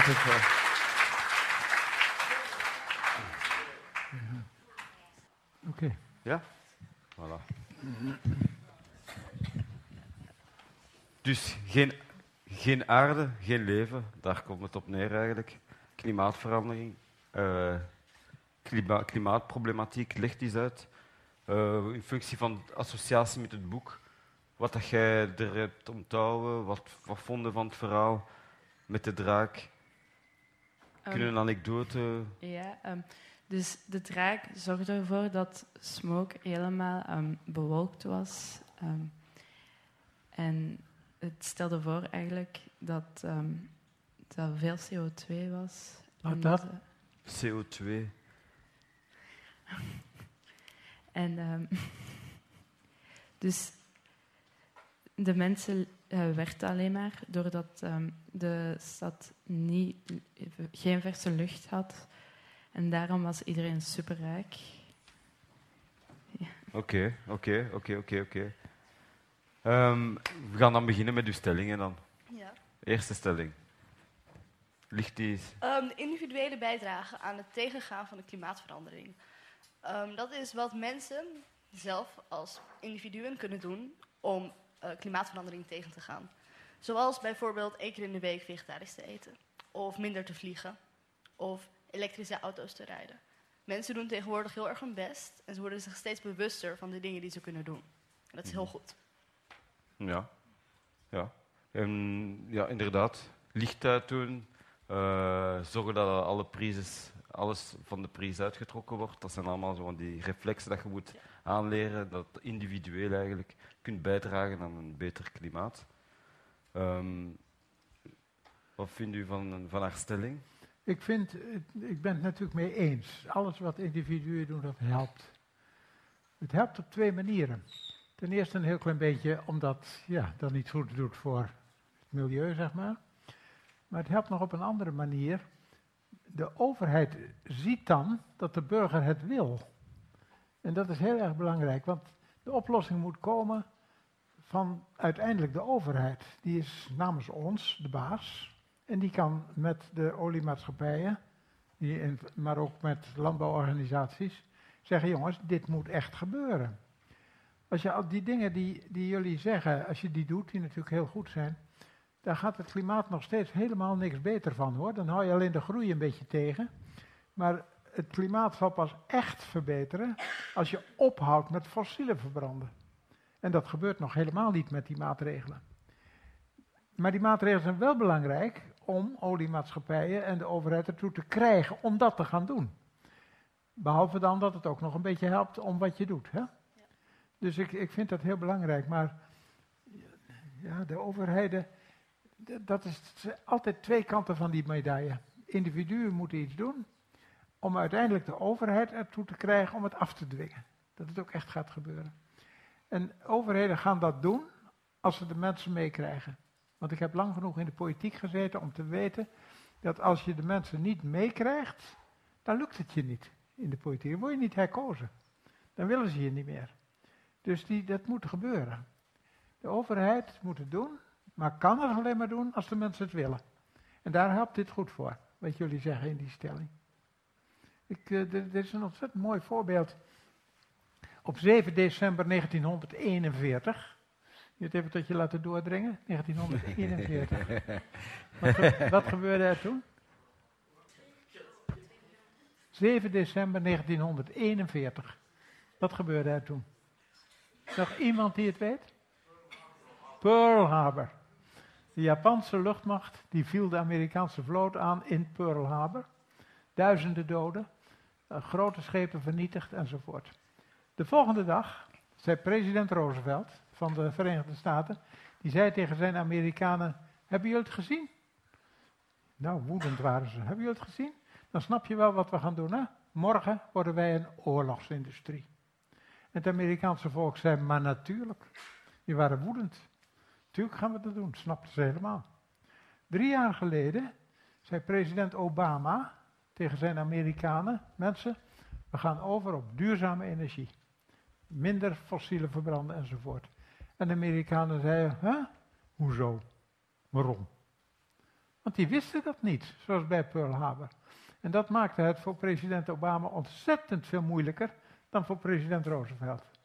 Dat is het, en dat illustreert wat ik zei. Politiek moet het doen, maar kan het alleen maar doen als de mensen het snappen en het willen. En dat is een van de hele grote problemen. En wat jullie hier zeggen helpt absoluut om de, de politiek te helpen om het de mensen te laten willen.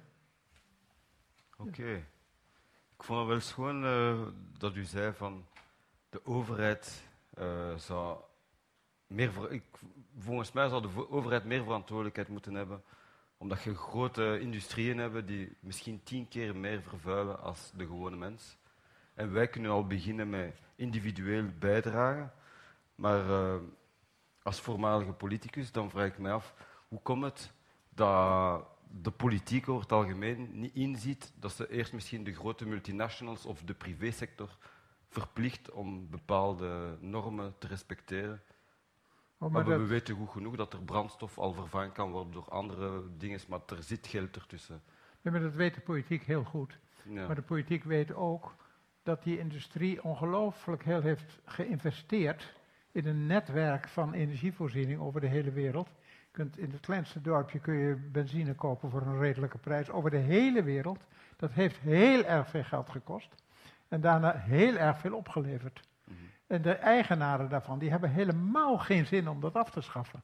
Ja. En die hebben, omdat ze zo rijk zijn, ontzettend veel macht.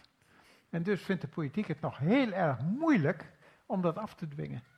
En dat zal pas geleidelijk lukken. En dat zal lukken als de bevolking het wil. Dan gaat de politiek zeggen, ja jongens, de bevolking wil dat, dat gaan we doen. En dan zal de industrie meekomen. Als je de CO2-belasting, dus wie CO2 produceert, moet daarvoor betalen. Als je dat duurder en duurder maakt, dan komt er een moment dat een oliemaatschappij zegt, ja jongens, het rendeert niet meer om benzine te maken. Ik moet er zoveel belasting over betalen. Dus ik ga maar eens een beetje naar duurzame energie. Hoef ik die belasting niet te betalen. En van lieverlee zal het zo omgebouwd worden. Alleen, dat gaat absoluut gebeuren hoor. Denk ik. Maar de vraag is in welk tempo. Dat is het, het moet vlugger dan op het ogenblik gebeurt. Gelijk, ik zou graag een Tesla hebben, maar dat kost super duur. En dat is ook energie beter, maar eh, dat is niet voor iedereen toegankelijk. Wat, wat is niet Een? Tesla, Een Tesla. ja. Ja, Dat is- dat zou natuurlijk heel mooi zijn, maar dan moet je je wel afvragen. De, de elektriciteit die de Tesla nodig heeft, waar komt die vandaan? Ook al. Komt die uit een kolencentrale, dan schiet je er niks mee op. Ja, Nee, het moet niet meer geproduceerd worden, die olie. En dat is ontzettend moeilijk, omdat een hele infrastructuur erop gebouwd is. maar ja, ik zal jullie verder, want anders ben ik weer verder.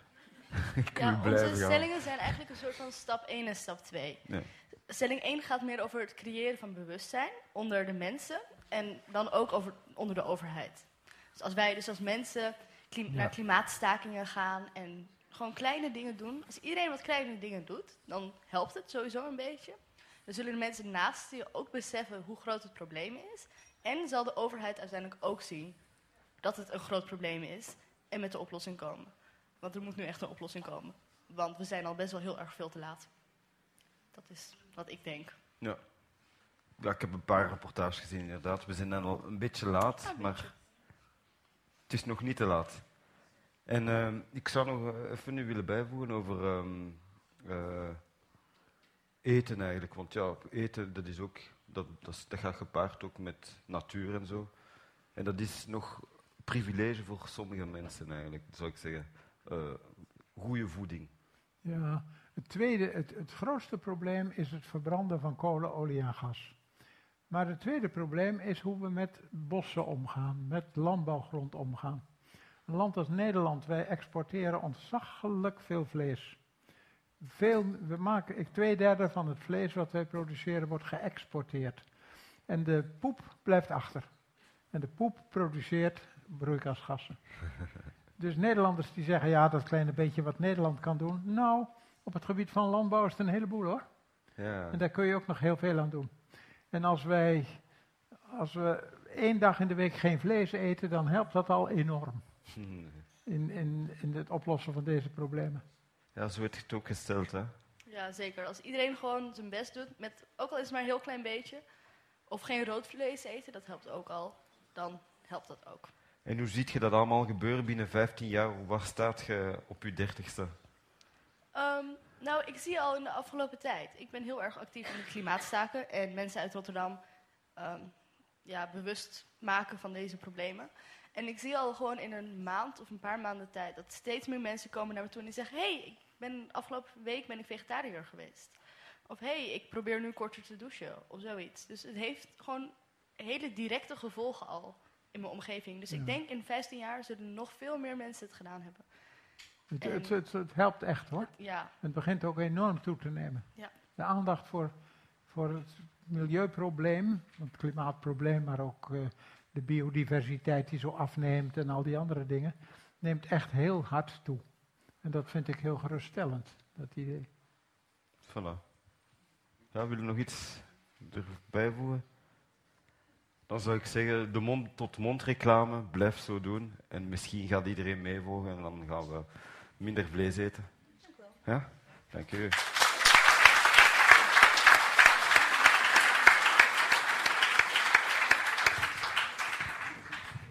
Uh, de groep van de schuifelende kerken van Oekumene. Ecumene. Ecumene. Dat is zo precies Afrikaans van... Het is eigenlijk ecumene. Euk ecumene. Ecumene. Maar ik heb ervan gemaakt ecumene. Ah ja. Om net een beetje anders te doen. Ik kom van Congo en dat zijn zo typische woorden van Congo eigenlijk. Hmm. uh, hi, ik ben Cas en dit is... Jelte. Um, en wij hadden als onderwerp de schrijvende kerken van Ecumene, uh, wat we hebben geïnterpreteerd als interreligieus geweld. Uh, mijn, stemming, uh, mijn stelling is dat interreligieus geweld niet wordt veroorzaakt door religie, maar door de aard van een mens. Um, religie predikt over het algemeen barmhartigheid en vrede. Heb je naaste lief en gij zult niet doden, et cetera. Um, en de aard van een mens daarentegen is veel vreder en veel um, gemener wat dat betreft. De mens, um, de mens zelf om een aanslag te plegen uit de naam waarvan hij iets gelooft. Het geloof is simpelweg hetgene wat hij op zijn daad plakt als sticker. Ik geloof dat uh, een iemand die een aanslag pleegt van, uit naam van een religie, zonder die religie ook wel een aanslag had gepleegd. Maar dan was het niet vanuit met, de met die bepaalde sticker erop geweest. Was het gewoon een daad uit zichzelf geweest? Uh, mijn stelling is dat uh, religie enkel privé mag uitgeoefend worden. Um, want dan kan er minder haat verspreid worden. Um, onder verschillende groepen kunnen ook minder snel groepen gevormd worden. Dat er enkel religie thuis, in de huiselijke kring of um, in de religieuze gebouwen, kerken en moskeeën.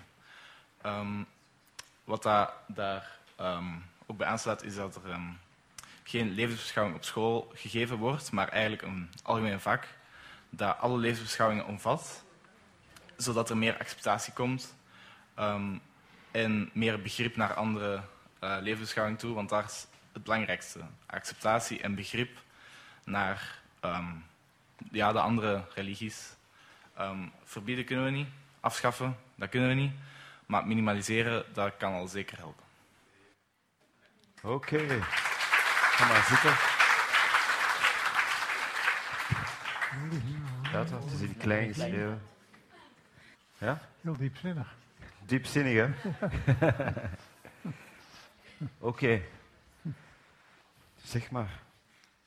Um, nou, we waren begonnen met uh, het natuurlijk hebben over interreligieus geweld. Um, en de oplossing in het boek van Stag is om alle religies samen te voegen tot één religie. Hij laat alle schrijvende kerken in het midden van het uh, dorp samenkomen en laat de muren slopen, zodat het één superkerk wordt, zeg maar. Um, alleen is dit in onze huidige samenleving niet mogelijk. De religies verschillen onderweg simpelweg te verschil en te, uh, verschillen onderweg onder. Oké, de religies verschillen te veel. Um, dus um, wij denken niet dat dit een oplossing was. Um, Anderzijds zou je ook religie kunnen afschaffen.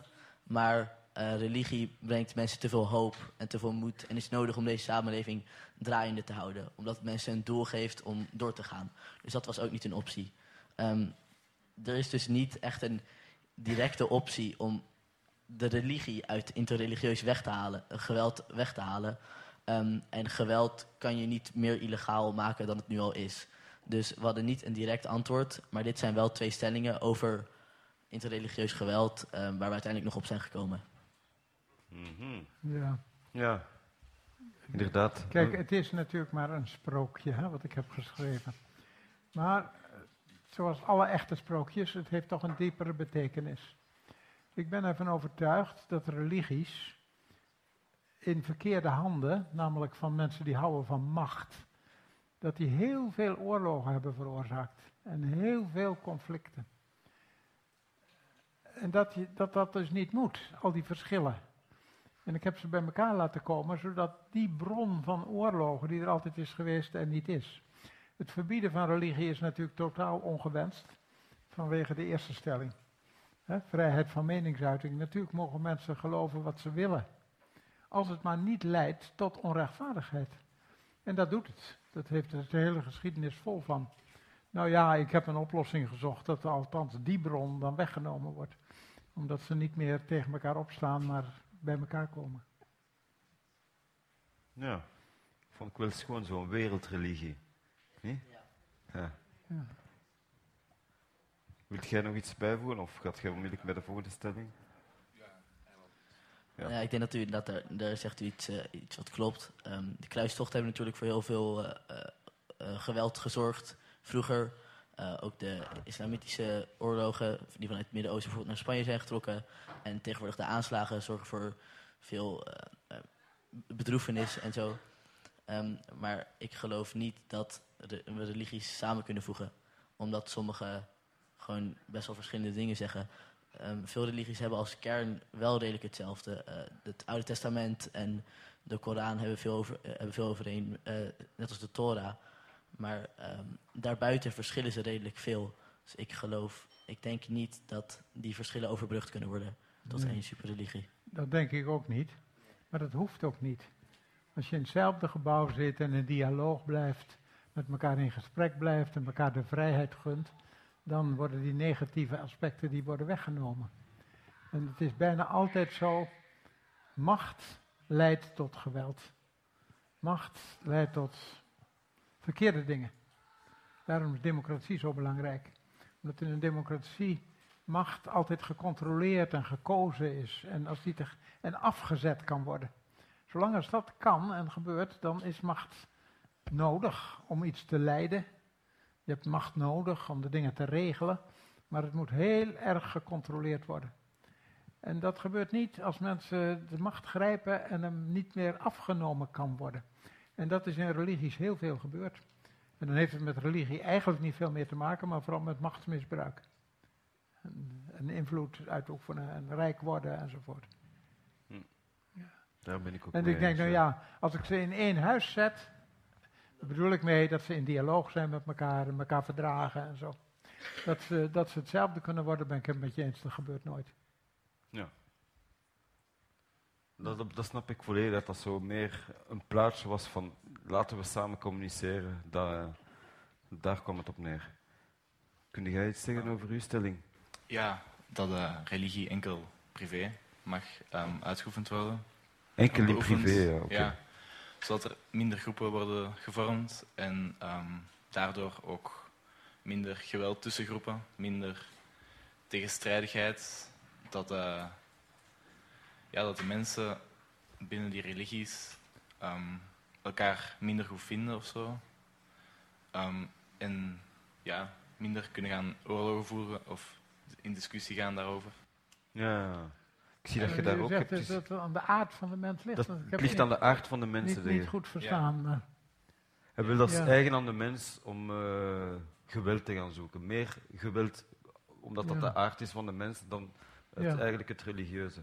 Nou, Rutger Bregman die heeft net een boek gepubliceerd en dat heet De meeste mensen deugen. Ontzettend leuke titel. Ik heb dat boek gelezen en hij laat zien dat heel vaak het helemaal niet ligt aan dat mensen zo ruzie willen maken, maar dat ze zo gemaakt worden door enkelingen. Door enkelingen met macht. Dus dat die aard van de mens helemaal niet zo slecht is als we vaak denken, maar zo gemaakt wordt door machthebbers. En daarom ik kom er altijd weer op terug. Het allerbelangrijkste mensen is democratie. Maar echte democratie. Waar macht wordt beheerst, wordt gekozen, kan worden afgezet, niet kan groeien. Waardoor het lijkt alsof alle mensen een vreselijke aard hebben. Terwijl dat reuze meevalt.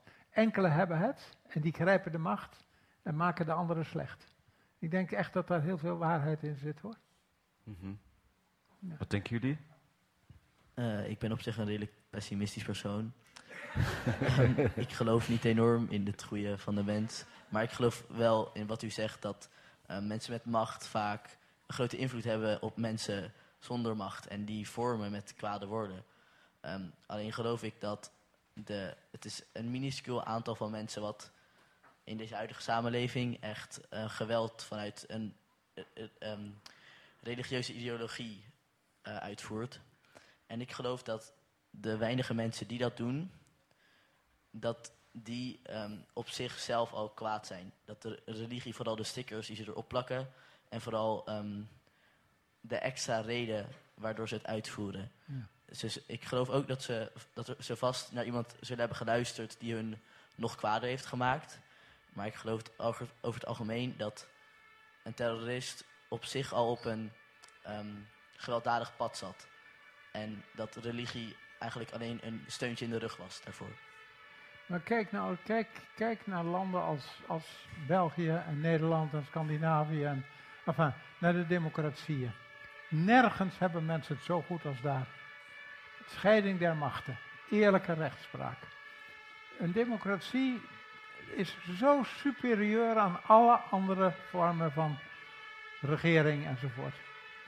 Veel minder misdaad, veel, veel minder vers- verschil in, in welvaart, veel meer kansen voor de slechtbedeelden, voor wie het slecht heeft. Politiek, politiek is er toch vooral voor om wat bij geboorte door de natuur onrechtvaardig is, rechtvaardiger te maken. Door mensen met weinig kansen meer kansen te geven. En dat kan allemaal in een democratie. Als je, als je kijkt wat we de laatste 400 jaar hebben bereikt, dat is eigenlijk ongelooflijk veel, niet alleen technisch, maar ook, ook als het gaat om menselijkheid. We hebben geen slavernij meer. Hoe kort nog? 200 jaar of zo.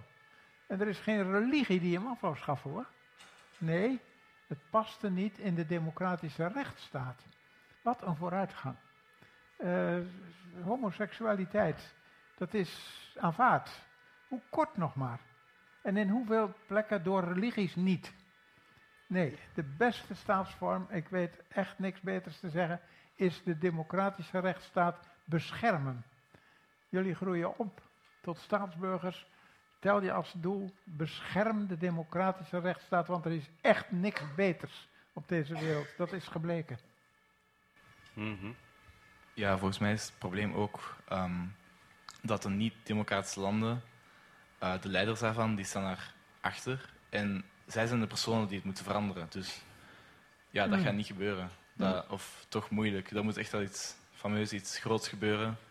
Dat, ehm, ja, dat dat zal veranderd worden door die leiders zelf. Ja, en door de democratische rechtsstaat, dan kan het niet meer. Voilà. dus, ehm, machtsmisbruik is niet goed. Ik denk dat daar, dat is eigenlijk het pijnpunt van diegenen die religie gebruiken eh, volgens hun macht. Maar ik zat nog even met de slavernij. Nu is het een andere vorm van slavernij, maar bon, wat, we gaan er niet verder op ingaan. Ik zou gewoon een volgende stelling, een volgende thema verder gaan, omdat we verder moeten met onze avond. Dus eh, ik zou hen al super bravo zeggen.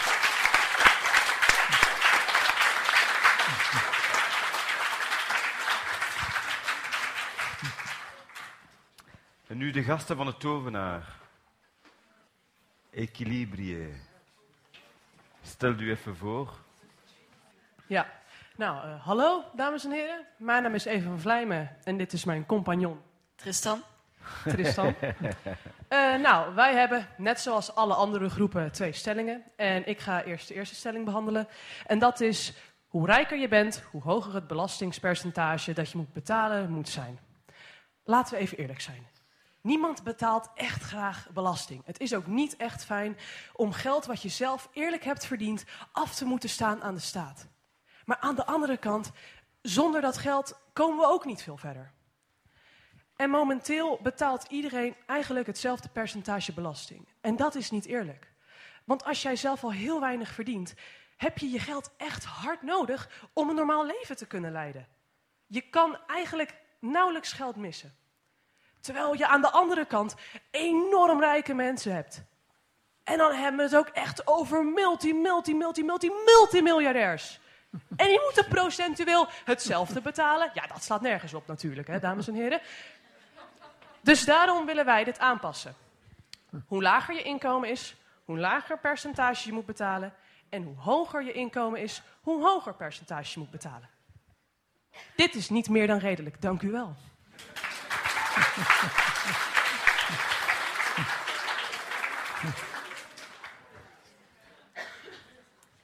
De stelling dat ik verde- verdedig gaat over bedrijven met een CEO die ehm, x aantal keer zoveel verdient als de, als normale man of de personen die, ehm, ja, de, de werknemers.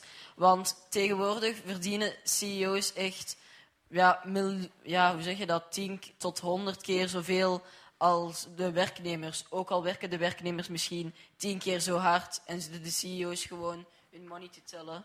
Terwijl dat ze. terwijl dat- ter- en ze doen echt geen zak. En. Di- dit is iets, eh, ja, dit is iets dat- wat wij niet tolereren. Wij vinden toch dat, er, dat het verschil veel te groot is. Het verschil moet veel kleiner qua ehm, ja, inkomen. Ongeveer maximaal zeven keer zoveel verdienen als een normale werknemer. Dat is ongeveer hoeveel een CEO maximaal ma- mag verdienen. En verdient hij meer, dan moet hij dat geld eerlijk verdelen onder de eh, eh, werknemers. Zodat eh, iedereen eigenlijk kan profiteren.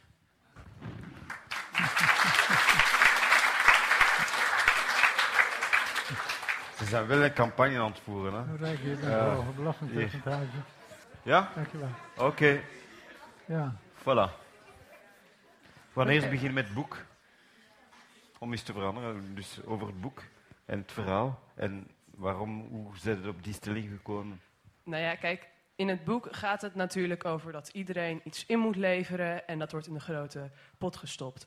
Ehm, alleen iedereen moet iets inleveren en er wordt niet gekeken naar mensen die meer hebben, dat die ook meer in moeten leveren. Als jij geen als je helemaal niks hebt, moet je nog steeds iets inleveren. En als je heel veel hebt, moet je ook iets inleveren. En in het boek wordt bijvoorbeeld ook verteld dat een superrijke familie, die levert een knuffel van het kleine kindje in. Terwijl bijvoorbeeld arme families, die leveren dan geld in. En dit soort oneerlijkheden eh, heeft ons ook geïnspireerd om het toe te passen op onze eigen samenleving. En waar wij natuurlijk eh, allemaal mee te maken hebben, of in ieder geval ik gelukkig nog niet, maar u allemaal wel, eh, belasting.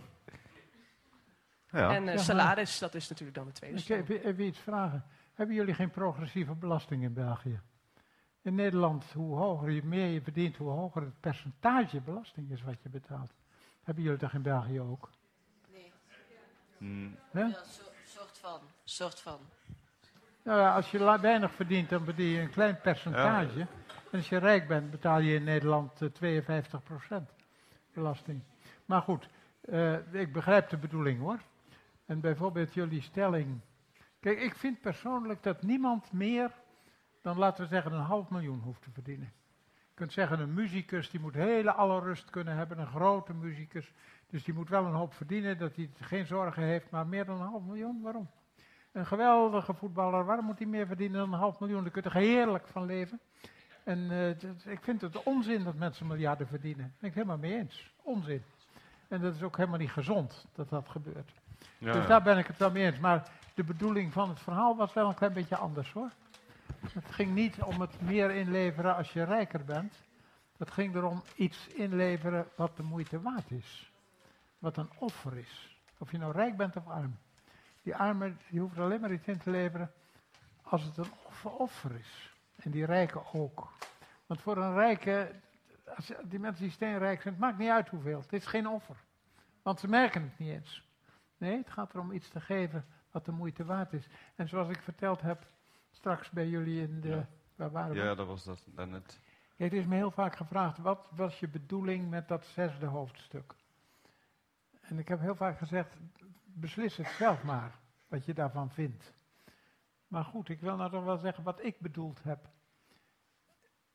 Het, het- een groot probleem voor ons is dat we wel iets over hebben voor wat in onze buurt is, voor onze vrienden. Dat willen we nog wel doen. Daar willen we echt iets voor over hebben. Maar iets wat veraf is, waar we niks mee hebben, persoonlijk niks voor over. Voor de derde wereld kan het ons schelen. Terwijl als iemand in je straat een been breekt, dan wil je best de boodschappen voor hem gaan doen. Dan heb je er iets voor over. Ja. Dat, dat is begrijpelijk, maar dat is niet goed. Je moet ook iets over hebben voor het onpersoonlijke, voor wat ver weg is en wat het nodig heeft.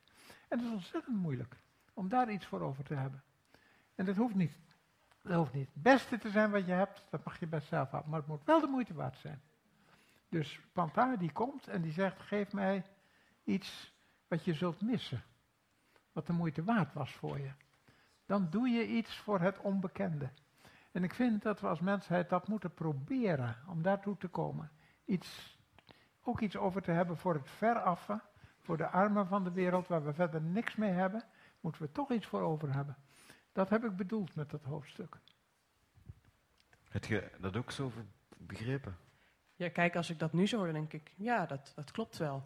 Maar toen wij de twee stellingen maakten, dachten we aan belasting. En eh, daar gaan dus nu onze stellingen over. Ja. En het, het spijt me zeer, meneer. Nee, maar dat begrijp ik natuurlijk ook heel goed. Want ja, hij komt iets vragen en dat is meestal geld waard. Hè? Dus ik begrijp dat heel goed hoor. Dat jullie dat denken. Maar, maar goed, het was mijn, mijn idee. Ik was, kijk, toen ik dat boek aan het schrijven was, ik dacht, A, ik wil niet 1, 2, 3, 4, 5, 6, 7. Dat is me te saai. Dus ik doe er een 4a in. Gewoon lekker, omdat ik ja. zin had om even iets anders te doen. En ik dacht, ik ga ook niet het laatste opdracht het moeilijkste maken. Het ligt me ook te veel voor de hand. Ik maak de ene laatste de moeilijkste. En toen heb ik dat dan geschreven, dat hoofdstuk. Oké. Eh, ja. Maar wat nou om dan toch een beetje het, eh, onze stellingen te veranderen en het een beetje te draaien naar de hoek van dat het heel erg oneerlijk verdeeld is in de wereld. Dat we dan in plaats van zeggen dat rijken meer moeten belasting moeten betalen, bijvoorbeeld zeggen dat rijken meer moeten bijdragen aan, let's say, ontwikkelingslanden. Ehm, dus met geld, ehm, kijk, als je iemand gewoon geld geeft, dan heb je ook niet zoveel aan. Maar met dat geld kun je wel ehm, educatie financieren of andere dingen. Ja, het- maar goed, Ja. het moet dus de moeite waard zijn. Hè? Precies. Daar zijn we het over eens. Ja. Zeker. Ja. Hoe ziet je daar een oplossing uitkomen? Een, een, een Een oplossing. oplossing, of binnen 15 jaar, hoe ziet je dat allemaal nog gebeuren? Nog, eh, Ja, hoe ziet jij op je dertigste? kijk, ik hoop natuurlijk dat in 15 jaar alles is opgelost en zo. En ik denk dat het ook vooral belangrijk is dat landen elkaar leren vertrouwen door gewoon elkaar te helpen, ook in moeilijke tijden, zoals later als het beter gaat, de landen weten, hé, hey, een hele tijd geleden, toen het met mij wat slechter ging, eh, hielp land X mij en dat is leuk en nu gaat het met dat land slechter en nu help ik dat land. Alleen wat ik denk nu ook vooral een heel groot probleem is, ook vooral in het continent Afrika, is dat heel veel landen in het continent Afrika eh, corrupte bestuurders hebben. Ehm, en daar heb ik het ook op school pas nog over gehad. Maar de, dat is eh, heel erg corrupt daar. Dus dan is het heel erg moeilijk om als je die landen geld geeft en lessen en dingen, dat dat ook goed aankomt. Dus ik denk dat dat wellicht nog een grotere uitdaging is eh, om elkaar aan het begin ook te gaan vertrouwen, om in de toekomst nog meer vertrouwen te creëren. Ik denk dat dat ook, eh, om, terug aan te sluiten, dat komt iedereen goed uit dat in Afrika die situatie zo is. Ehm, kobalt en zo, dat, iedereen weet dat dat van Afrika komt. Maar niemand gaat stoppen met gsm's of niemand gaat stoppen met de schermen. Dat is nu eenmaal zo. Binnen 15 jaar zijn we nog altijd daarmee bezig. En ik denk niet dat de generatie van nu zijn telefoon op de zijkant gaat zetten en, ik, en terug normaal communiceren. Dus ik denk, voilà, ik wil dat even ertussen plaatsen. Ja. Wilt je daar iets op bijvoegen, of niet? Nee, nee, nee. Zijn je daar mee eens of zijn je daar niet mee eens? Ik ben er mee eens. Je bent niet mee eens? Ik ben er wel mee eens. Ah, oké. Anders ging ik nog even verder gaan. Ehm, ja? En wat, wat, wat kun je nog, wat kun je nog als stelling daar rond... Ah, ik moet afronden. Oké. En wel, ik zou zeggen, moesten we meer in democratieën waar dat er meer een zegje zou zijn, zou er misschien meer oplossingen komen. En eh zou iedereen misschien wat meer met elkaar communiceren, zonder gsm. Eh, meer gezonde voeding. Eh, wapenhandel onder de handen van de, van de overheid. Daar komt het allemaal op neer, op deze avond, denk ik. Ja, En, ik denk, ik, we zijn het allemaal best eens. Hè? Het feit dat jullie het erover eens zijn geweest. Naar elkaar luisteren. Eh, wapenhandel, controle en in handen van de overheid. Ja. Allemaal wat doen voor het klimaat en voor de, hoe je het ook precies wilt interpreteren. Voor, Ja. de, voor, de, voor, voor de dieren, voor de biodiversiteit, voor, geen, voor die klimaatverandering. En wat was de vierde ook alweer? Eh, Even kijken, wat was de vierde? wapenvrijheid van meningsuiting. Huh? Oh, de, de ecumene. Eh, de religies allemaal religies, bij niet de elkaar, religie, voilà. met elkaar niet bestrijden, maar met elkaar in dialoog. En wat over hebben voor de andere mensen, de andere wereld, die het nodig hebben. Niet jezelf te gronden richten ermee, maar wel de moeite waard wat je doet. Ik denk dat we het er eigenlijk allemaal wel over eens zijn. En ik vind het heerlijk om te zien dat jullie je daarvoor willen interesseren. En dat jullie erover gepraat hebben. En dat jullie, naarmate je verder opgroeit, staatsburgers worden. Waarvan ik denk, god, dat zijn goede staatsburgers. Dat gaat goed. ja. ja.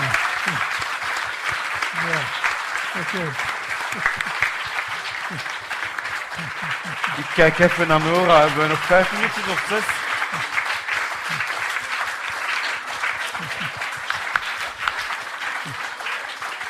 Oké. Ehm, mm, ik ga misschien, omdat we nog een klein beetje tijd hebben, misschien heeft er iemand, als we misschien echt goesting om een vraag te stellen aan meneer Jan Terlouw, dan is nu de moment, ik, ik, neem er- ik pik er maar twee uit. Heeft iemand een vraag te stellen? Hij is er, hè? Naast u. Ha, ah, jij? Ah. Nee? Ja, zeg maar. Als u de mogelijkheid had om terug, de, eh, eh, terug naar, eh, naar de tijd te gaan, naar, eh, naar uw studententijd bijvoorbeeld. Als u die mogelijkheid had, wat zou je dan eigenlijk veranderen in je leven? Of mijn voor de leven? maatschappij? Ja. Ik zou in mijn leven heel erg weinig veranderen. Ik heb een fantastisch leven gehad. Want ik ben eerst wetenschapper geweest en toen ben ik in de politiek gekomen. Daar heb ik ook dieptepunten meegemaakt, maar ik heb alles meegemaakt wat je in de politiek kunt meemaken. Maar de grote verrassing van mijn leven, ik heb boeken geschreven die gelezen worden, nog na 48 jaar. Nou, wat moet je nou nog meer wensen? Ja. Ja. Zeg Ja.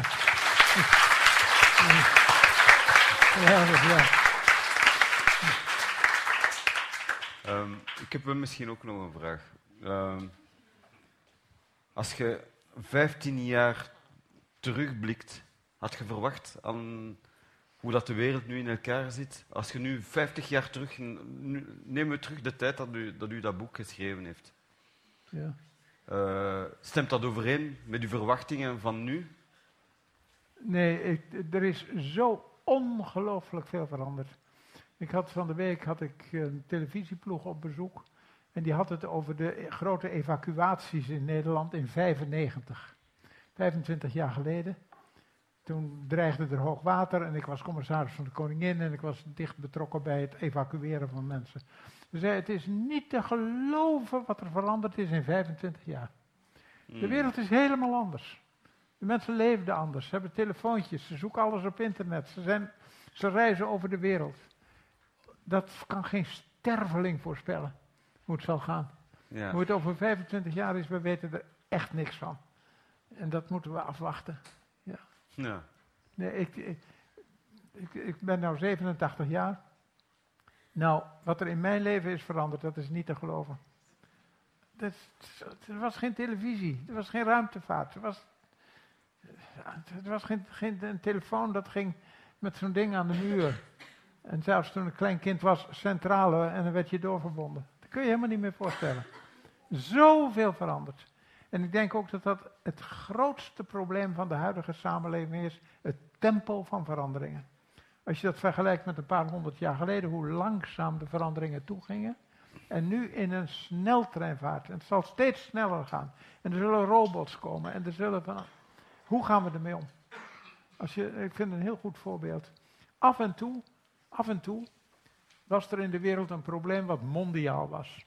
De pestepidemie, de Spaanse griep in 1919, de economische crisis in de dertiger jaren enzovoort. Mondiaal probleem. Maar meestal was het gewoon nationaal en lokaal. Nu zijn bijna alle problemen mondiaal. In de laatste 50 jaar geworden. Het vluchtelingenprobleem is mondiaal, de klimaatverandering is mondiaal, de, de, de globalisering, economie is mondiaal. Alle problemen bijna mondiaal en de politiek is lokaal gebleven. En dat is een heel groot probleem. Dat de politiek heel erg nationaal is, terwijl de problemen allemaal groot en de wereldomvattend. En daar moeten we mee leren omgaan. En dat is ontzettend moeilijk met die snelle veranderingen. Toch zullen we het moeten doen. Het is onze wereld. Dus we Ja. moeten ons daarin verdiepen en denken, hoe gaan we dat doen? Op een manier dat de mensen niet voelen, ik ben er niet mee bij, het is te groot, het lokale moet blijven. Dat er net over in de auto. Nou gaat de EU die gaat zeggen dat bij ons de vrijwillige brandweer niet meer mag. Dan denk ik, bemoei je er niet mee zeg. Dat zullen we toch zelf weten hoe we dat doen. Terwijl de andere problemen moeten absoluut internationaal worden opgelost. En daar zitten we echt mee hoor, met dat probleem. We zullen er oplossingen voor moeten vinden. Ja. Moeten jullie doen, jullie toekomst. Schoon, schoon, schoon afsluiterke. Ik ga dan vragen aan alle leerlingen van, uh, van het project van hier op het podium te staan. We gaan er even een foto nemen. Als herinnering. Een applaus. Je luisterde naar een podcast van De Buren. Het Vlaams-Nederlands Huis voor Cultuur en Debat. Benieuwd naar ons literaire aanbod? Luister dan ook naar radioboeken, citybooks en andere audioverhalen. Ontdek ons podiumprogramma en al onze digitale producties op www.deburen.eu.